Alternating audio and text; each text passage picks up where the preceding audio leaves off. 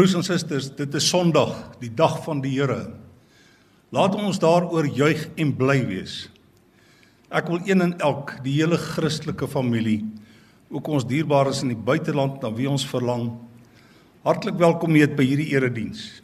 Dietrich Bonhoeffer, die Duitse predikant wat deur Hitler tereggestel is, het reg gesê die Christelike familie is 'n wonderlike familie. Mits ons Christus se grootste geskenk aan ons die Heilige Gees koester. Die tema van my boodskap is wees positief in onstuimige tye. En miskien het jy baie padblokkades en vrae en soek jy rigting, vertroosting en hoop vir jou lewe. Mag die Here vanoggend in babataal by jou adres uitkom en ontdek dat jy lewe in die beste van tye. En wanneer ek oor hierdie tema nadink, dan voel ek soos 'n klein seentjie wat probeer om met 'n vingerhoed die oseaan leeg te tap Die skriflesing kom uit dele van die boek Habakuk en ek lees uit die blye boodskap. Kom ons bid saam. Here laat ons aanbidding, ons woorde en gedagtes U bly maak. Ons bid dit in die naam van die Vader, die Seun en die Heilige Gees. Amen. Uit ons liedereskat sing ons hartlik saam van Evangelielied 247.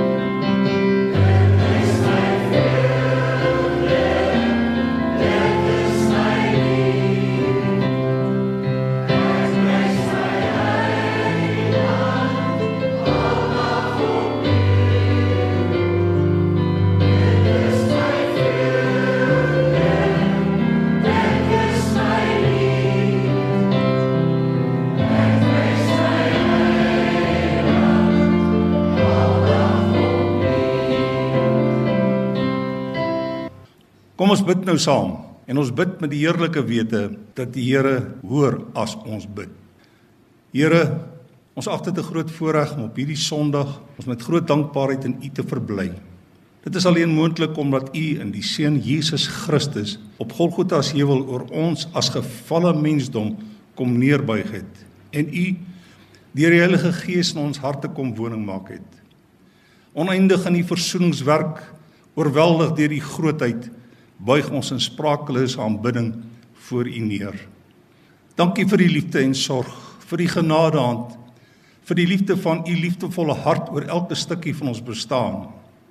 Die taal van die digter bly dat ons voortdurende gebed eers dan heers o God hier binne, want net U alleen het toegang tot die diepte waar ons woon.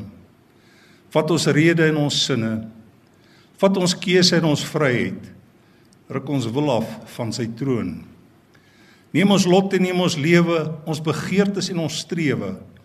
Neem ons siele en neem ons alles en kom U self hier binne woon. As U strydende kerk op aarde, wil ons vandag bid dat ons as 'n fraksie van U kerk aan die suidpunt van Afrika getrou sal bly in ons roeping.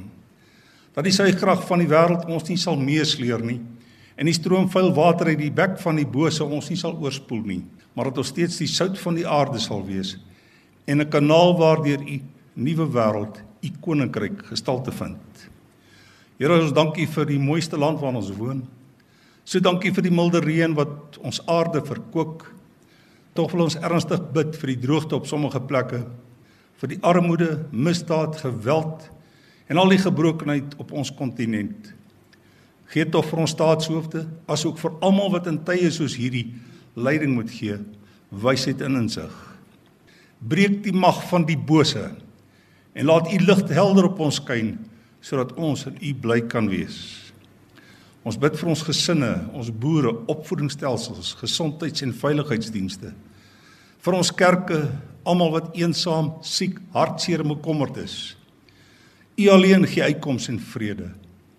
Ons wil bid dat u ons in hierdie tyd met nuwe geloofsvisie geestelike krag en kreatiwiteit sal besiel sodat ons ons mooi wêreld met u koninkryk kan bemes. Laat u koninkryk kom, laat u wil geskied, soos in die hemel so op die aarde. Bewaar ons van sinisme. Waar ons nou om u woord gaan stil word, wil ons bid dat u ons sondes sal vergewe, ons verander en bemoedig sodat wanneer hierdie diens verby is of die radio afskakel, ons positiewe mense in 'n stormagtige tye sal wees. Amen. Ek lees vir julle uit die boek Habakuk, hoofstuk 1 vers 1 tot 9, 12 tot 13 en hoofstuk 2 vers 1 tot 4. Nou is daar baie min oor die profeet Habakuk bekend. Sy naam beteken om te omarm.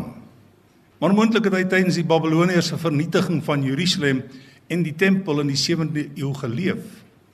Sy boodskap was dat ons nie lyding sal verryspring nie, maar dat die Here by ons in ons swaar kry kom staan. Help ons om daardeur te worstel totdat ons weer met vreugde kan leef. Hy leer ook dat mense wat gehoorsaam is en op die Here vertrou, weet waaroor die lewe eintlik gaan. Ons lees hoofstuk 1 vers 1. Die Here het Habakuk as profeet gebruik. Wat volg is wat die Here vir hom gesê het. Habakuk se eerste klagte: Here, hoe lank moet ek nog om hulp roep voordat U kom help? Dit klink nie of U hoor nie. Ek kla by U omdat mense ons aanrand en doodmaak, maar U red ons nie. Hoekom laat U my hierdie verkeerde dinge sien? Hoekom verdra U dit dat mense swaar kry? Waar ek ook al kyk, lê dinge verwoes. Dis 'n wêreld vol onderdrukking en geweld. Oral stry en baklei mense. Mense steur nie aan die wet nie en die howe sorg nie dat reg geskied nie. En dan antwoord die Here die profeet: Habakuk Ek gaan nog tydens julle lewe iets doen wat julle nie sal glo nie. As iemand julle daarvan sou vertel, sou julle hom nie geglo het nie. Hier is dit. Ek gaan die Babiloniërs laat kom. Die mag wat al die volke in die wêreld sal oorheers. Hulle reputasie is oral bekend. Hulle is 'n wrede en woeste spul mense. Hulle stuur hulle soldate die wêreld vol en dan neem hulle lande in. As mense net aan hulle dink, dan raak hulle bang en lam van vrees. Hulle is so arrogant. Hulle maak hulle eie wette oor wat reg en verkeerd is. Hulle soldate wat op perde ry maak ook 'n groot indruk. Hulle perde is vinniger as luiperds, skrikwekkender as honderd wolwe. Hulle hele leermag het net een doel en dit is om verwoesting te saai en mense links en regs dood te maak. En dan kla ek vir 'n tweede keer. Here, U was van altyd af daar en sal altyd daar wees. My God, U is heilig. 'n Mens kan nie anders nie as om U te aanbid nie. Here, by U het ons ook nog altyd veilig gevoel. Ons sal nie sterwe nie. Maar nou het U die Babiloniërs aangestel om te wys dat ons skuldig is. U gebruik hulle om ons te straf vir alles wat ons verkeerd gedoen het. Maar U is ons rots. U is so heilig dat dit onmoontlik is om te dink dat U sulke verkeerde dinge sal sien gebeur en dit doodgewoon sal aanvaar. Hoe is dit dan moontlik dat u sien wat hierdie boosdoeners aanvang en daaroor stil bly? Here, gaan nie toelaat dat hierdie vyand vir altyd so aanhou om genadeloos met volke te werk en hulle dood te maak. Dan hoofstuk 2 vers 1 waar Habakuk bely en sê ek wil op my uitkyktoring gaan staan op my wagpos luister om te hoor wat die Here vir my sê en wat hy met my klagte gaan maak. En dan antwoord die Here hom. So het die Here geantwoord. Habakuk skryf versigtig en duidelik op kleitablette neer wat ek jou gaan wys sodat enige mens wat dit lees, nie kan wag om dit aan ander mense te vertel nie. Die dinge wat ek vir jou gewys het en wat jy opgeskryf het, gaan nie nou dadelik gebeur nie, maar binnekort gaan dit verseker gebeur. Dit voel dalk vir jou of dinge sloer en of niks aan die gebeur is nie, maar wees geduldig. Jy sal sien. Kom sal dit kom en niks en niemand sal dit kan terughou nie. Die vyand is vol vir homself, maar sal nie oorleef nie. En dan die teks vir ons prediking vanoggend. Mense wat die Here met 'n opregte hart dien, sal lewe as hulle hom getrou bly. Kom ons bid saam. Here, U is die lewe. En nie vir ons die kontoure van ware lewe getrek. Ons bid dat U wat die outeur van hierdie wonderlike boek is, ook nou deur hierdie hoofstuk na ons toe aangestap sal kom. Amen. Broers en susters, liewe luisteraars, Die Christendom in die afgelope eeue veral vier groot krisisse oorleef waarin die Bybelse wêreldbeeld radikaal aangetast is. Die eerste was die Kopernikaanse omwenteling in die 15de eeu, toe vasgestel is dat die aarde anders as die Bybelse beeld om die son draai. Die tweede was die modernisme, toe die filosoof René Descartes in die 17de eeu die klem geplaas het op die mens se verstand. Sy uitdrukking was ek dink daarom is ek. Die verstand van die mens is op die troon geplaas en alwaarop die mens kon vertrou is sy verstand. Trouwens, die mens is wat sy verstand is. Die Bybelse wonderwerk is nie waarheid nie. As iemand nie vandag uit die dood kan opstaan nie, dan kon hy ook nie 2020 jaar gelede opgestaan het nie. En so het hy probeer om die bonatuurlike wêreld te ontvolk. Die derde was die postmoderne omwenteling in die mens se historiese denke. Hier volgens het die Bybel geen absolute waarhede bevat nie, maar was dit net nog 'n boek na as ander boeke en was die vergrootglas op alles geplaas, ook op Jesus Christus, wat maar net 'n gewone sjamaan of rondloper geneesheer was. Die vierde in ons dag is die van die postsekularisme. In hierdie fase bemerk ons dat die mensdom al hoe meer hulle betekenis in die oosterse godsdienste en skepingsaanbidding probeer vind. In Romeine 1:15 sê Paulus dat daar net twee godsdienste op aarde is: Of jy aanbid God as skepper, regerder en onderhouer van alles, of jy aanbid die skepping. In die afgelope paar jaar het hierdie skokkende diep anti-kristelike nuwe uitskepingsaanbidding dwars deur die hele wêreld gegroei. En ironies, die mense en ook Suid-Afrikaners is opgewonde oor hierdie valse godsdiens. En die kern van die skepingsaanbidder is dat hy of sy probeer om hulle spirituele krag, hulle innerlike vrede en plesier uit die materiële aardse dinge te kry. Terwyl Paulus sê jy moet van binne af met God se teenwoordigheid gevul word en so die vrede wat alle verstand te bowe gaan beleef. Maar die Heilsgeskiedenis toon dat God apart van sy skepping staan. Die hele kosmos pas in sy hand. Hy het en hy kan in sy skepping betrokke raak en die dae van God se betrokkenheid by sy, by die mensdom en sy skepping is nie verby nie. En dit is nie my doel om vir 'n volledige ontleding van ons moderne tydsgewrig te gee nie. Want as jy gereeld die koerant lees, na die radioberigte luister en na die televisie kyk, dan sal jy weet wat ek bedoel as ek sê ons lewe in 'n besete wêreld. Ons sien dat Christelike waardes wat vir eeue reeds bestaan, sonder rede omvergegooi word. Dubbele standaarde word in werking gestel onder die dekmantel van vryheid word mens en dier voor die voet doodgeskiet. Daarby die kerk baie foute in die verlede gemaak. Ek het self al in my lewe grouwe foute gemaak. Wie het nie? Maar weet jy iets stagneer as ons die verlede heilig en so die hede geringskat en die toekoms met skuldgevoelens en vrese binne gaan. Jy dink maar net aan die skoonheid van God se vergifnis. Maar die kerk het ook baie baie goeie dinge gedoen. Daarby is 'n Christen soos 'n skaap. Hy kan nie in die modder bly nie, anders sal hy doodgaan. Die wêreld hou weer van die modder. Nou is dit so dat hierdie deurmekaar tyd invloed op ons almal het 'n invloed wat geestelik gestalte vind in die uitgangspunt wat help dit dat ek vermore leef? Wat help dit dat ek vermore studeer? Wat help dit dat ek drome het en hard werk? Wat help dit dat ek glo? Alles lyk so donker. Dis inderdaad weegskaal oomblikke. Intellektuele soos Voltaire het voorspel dat die Christendom soos die sandkastele is wat kinders op die strand bou. Dit sal nooit teen die hoogwaters van die wêreld standhou nie. In die lig van hierdie tyd sê sy baie soos die Epikureërs in Paulus se tyd Laat ons maar vandag geniet en elke oomblik die beker van geluk en volle lig ledig. Ja, dit het so invloed dat dit by baie die lus om te lewe en die lus om vorentoe te weer ontneem. Hierdie deurmekaar wêreld het veral ook invloed op ons mense wanneer hulle met die groot vraag diep in die hart worstel en dit is waar is God dan? Hoekom antwoord God dan nie? Hoekom laat God al die dinge toe? Het ons nog 'n toekoms? Die mense het sinies dalk ongelowig geword. Sê sommige die Christendom is 'n gevaarlike godsdiens. En as ons die woord van die Here bestudeer, dan sien ons dat die tyd vorentoe nog meer deurmekaar sal wees, sê Paulus. Dat die wêreld in die wurggreep van die bose is. Die bose is 'n werklikheid. Naas God is Satan die mees aktiefste wese op aarde en hy werk oortyd. En in die tekens van die tye Markus 24 stel die Here Jesus dit baie duidelik dat die ongeregtigheid sal toeneem. Die liefde van die meeste mense sal teenoor die Here en hulle medemens verkoel en die wat boos is, gaan nog boser word. En wanneer Paulus aan die Tessalonisense skryf, dan praat hy van die ontplooiing van die anti-kris.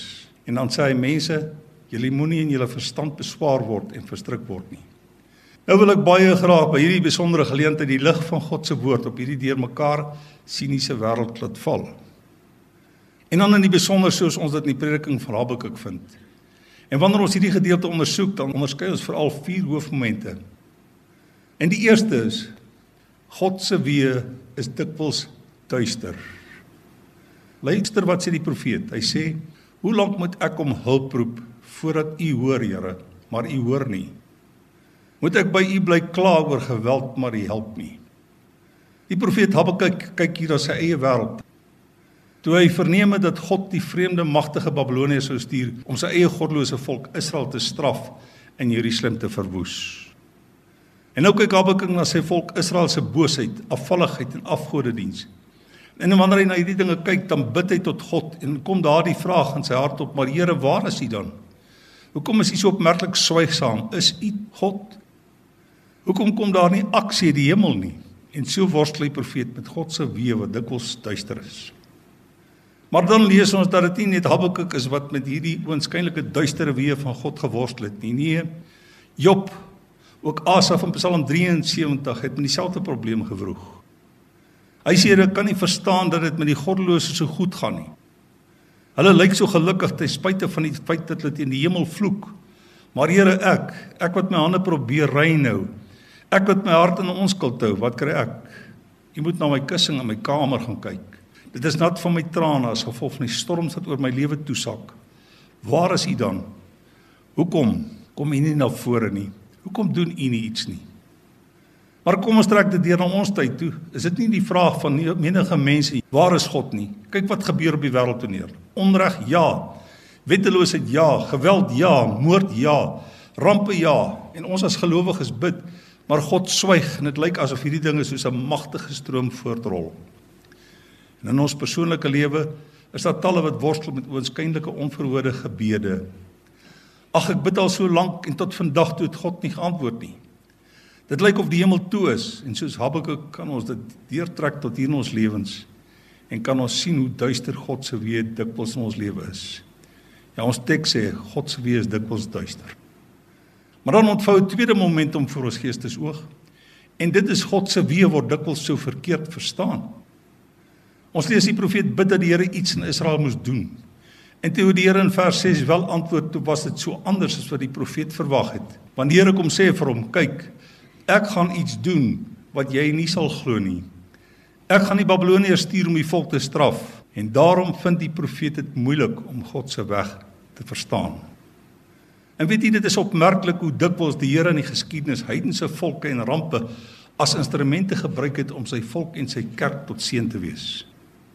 Ja, God se weë word dikwels so verkeerd verstaan, want God se weë is hoër as ons weë en sy gedagtes is nie ons gedagtes nie. En so is daar talle voorbeelde in die skrif waar God se weë dikwels verkeerd verstaan word. Dink maar uit watter verkeerde hoek die disippels die gebeure op Golgotha as heuwels gesien het.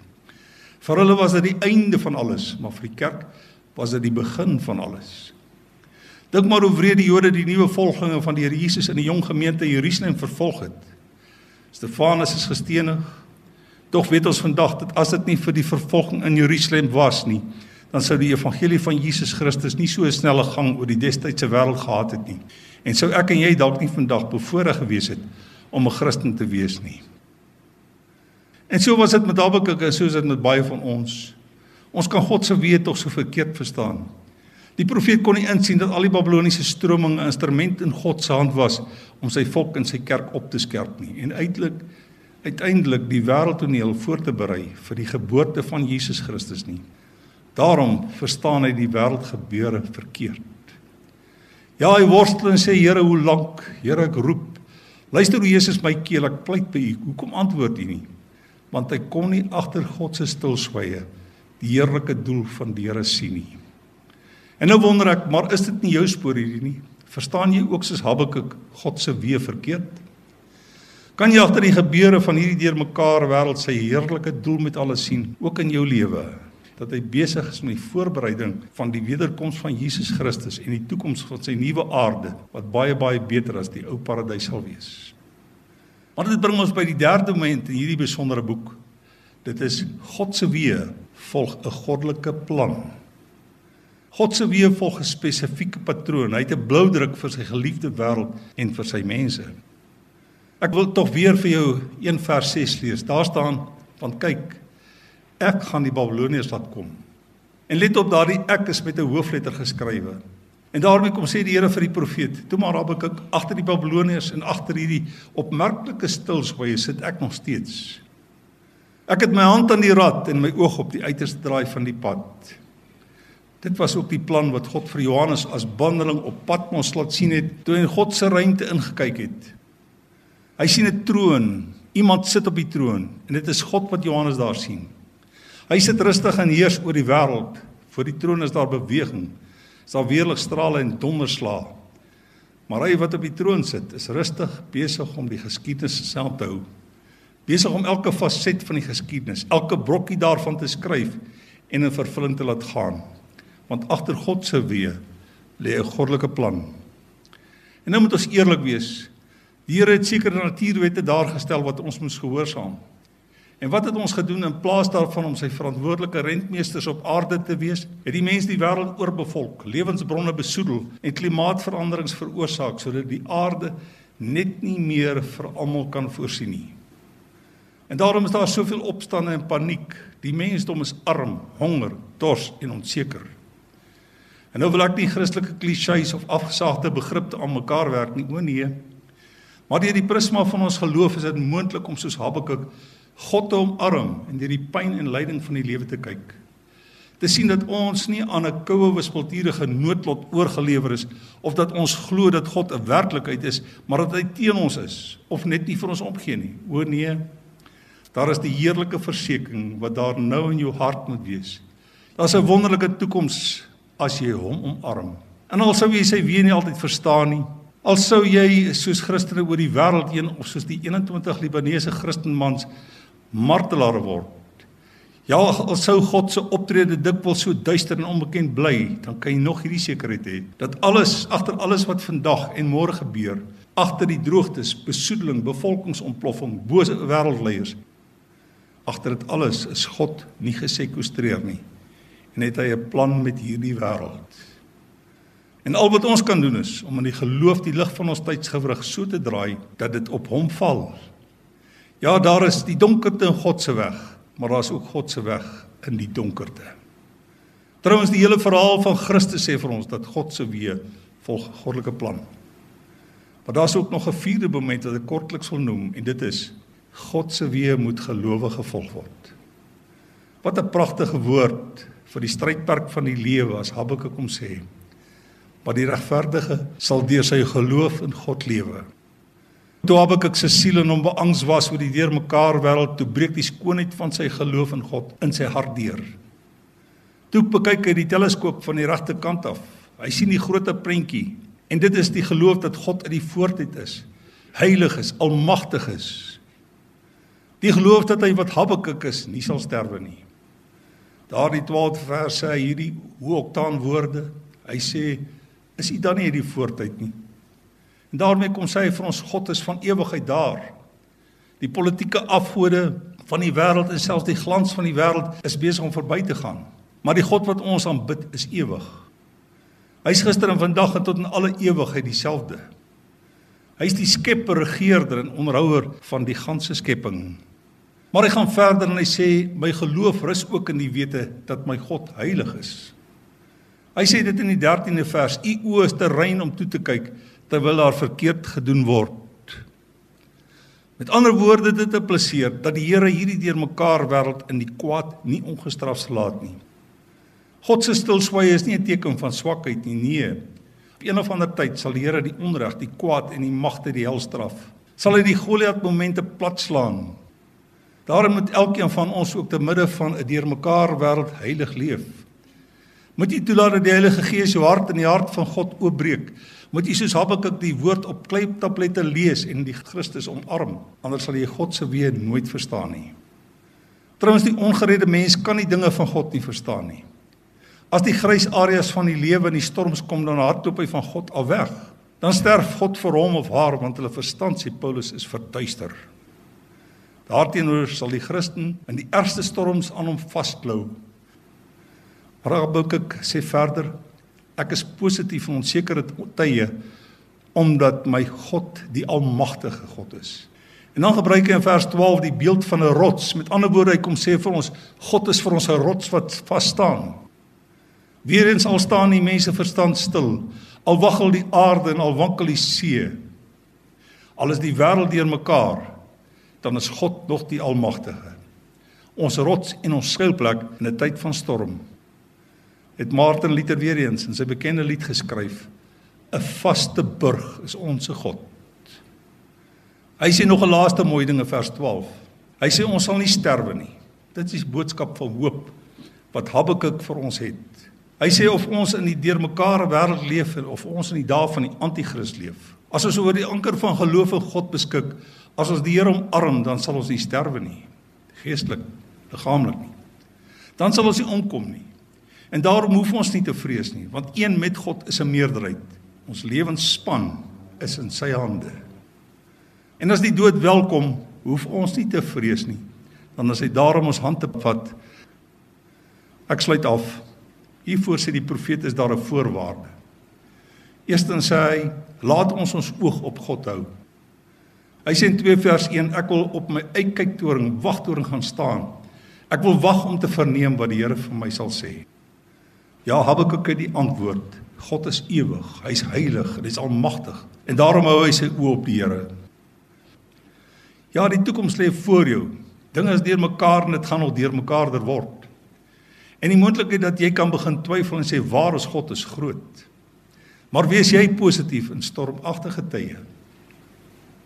Ag hoe pragtig het Corrie ten Boom dit nie gestel nie. As jy depressief wil word, kyk binne toe. As jy verslaaf wil word, kyk agtertoe. As jy verward wil word, kyk rond. Maar as jy gered wil word, kyk op. En as jy opkyk dan sien jy God se weë soms duister. Dit kan nie altyd verstaan word nie. Maar God se weë volg 'n goddelike plan. En daarom moet jy jou lewenslamp so buig dat dit op die Here en sy woord op sy kleitablette skyn. Dan sal die duisternis jou nie oorval nie en sal jy ervaar jy lewe in die beste van tye het Albert Camus gesê in die diepte van die winter het ek geleer dat daar binne my 'n onvooroorwinnelike somer is. En met hierdie belydenis kon die liederdigter soos Bach jubelend uitroep: Ruwe storme breek in woede, alles om my heen is nag. Tog hou God my in sy hoede. Hy hou vir my heel, heel die wag. Het die pragtige jong petroljoggie Chossi onlangs op in Springbok getuig I'm just a nobody trying to tell everyone about somebody who can change everything. Amen. Ons slotlied is Evangelie lied 25. 'n Wonderbaar heiland is Jesus my Heer.